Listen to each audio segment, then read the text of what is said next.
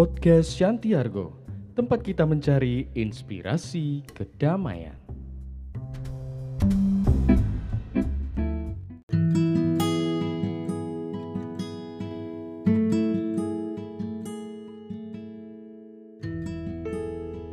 Seorang raja muda belia yang baru saja mulai memerintah bermimpi tentang malaikat yang berkata, Aku akan memenuhi keinginanmu. Pada pagi harinya, sang raja memanggil ketiga penasihatnya dan berkata, Seorang malaikat berjanji untuk memenuhi keinginanku. Aku berharap rakyat kerajaan kita akan hidup bahagia. Katakan kepadaku apa yang mereka butuhkan. Jawab salah satu penasihat kepada sang raja. Terpenuhinya segala keinginan.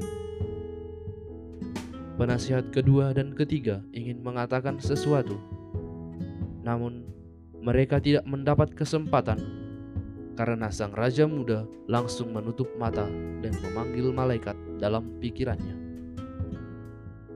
Ia berkata kepada malaikat itu, "Aku mau keinginan semua rakyatku terpenuhi." Sejak saat itu, kejadian aneh mulai terjadi di seluruh kerajaan. Banyak orang menjadi kaya, beberapa gubuk berubah menjadi istana. Ada orang tiba-tiba memiliki sayap dan mulai terbang. Yang lainnya menjadi lebih mudah. Rakyat semakin lama semakin menjadi yakin bahwa keinginan mereka dapat terpenuhi dengan segera. Masing-masing orang mulai berharap lebih dari yang lain, tetapi segera mereka menemukan bahwa mereka tidak memiliki keinginan-keinginan lagi. Mulailah muncul rasa iri pada mereka yang masih memiliki keinginan. Oleh karena itu, mereka mulai dengan rakus mencuri keinginan dari tetangga, teman, anak-anak. Banyak orang diliputi oleh amarah, dan mereka menginginkan sesuatu yang buruk kepada yang lain. Istana runtuh, dan istana baru segera dibangun di tempatnya. Ada orang sengaja menjadi pengemis dan mulai mengirimkan bencana kepada orang lain ada orang mengerang kesakitan dan kemudian bersorak mengirimkan penderitaan yang lebih menyakitkan kepada orang lain. Kedamaian dan harmoni lenyap dari kerajaan tersebut. Orang-orang saling bermusuhan. Mereka saling mengirim panah dendam dan niat buruk kepada seseorang. Ada orang yang ingin mengungguli yang lain dalam hal kelicikannya dia mengharapkan penyakit berbahaya untuk dirinya sendiri dan mencoba menularkannya kepada orang lain yang memeluk, mencium, dan menjabat tangan mereka. Penasihat pertama segera menurunkan raja muda dan menyatakan dirinya sebagai raja.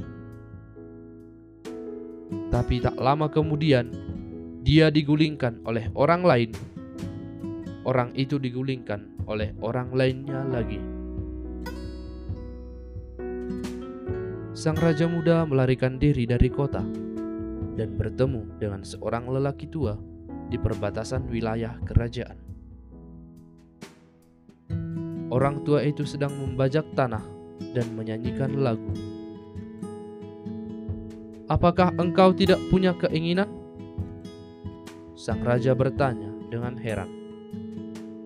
Tentu aku memilikinya, kata orang tua itu. Sang raja melanjutkan pertanyaannya, "Mengapa engkau tidak ingin segera memenuhinya seperti yang dilakukan orang lain?"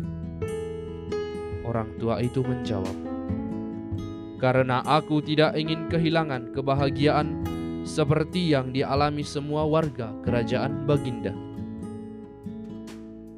Sang raja menukas, tapi engkau miskin sekarang, dan engkau punya kesempatan untuk segera menjadi kaya. Anda sudah tua, dan nanti engkau punya kesempatan menjadi lebih muda.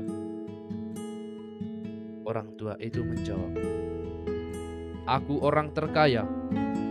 Aku membajak tanah, menabur, dan membangun jalur mutiara dari hatiku yang tertuju kepada Tuhan. Dan aku lebih muda darimu, karena jiwaku seperti jiwa seorang bayi."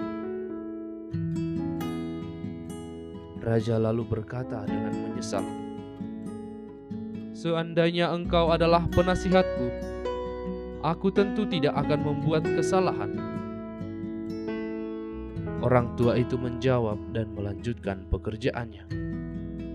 "Aku adalah penasihatmu yang tidak engkau dengarkan."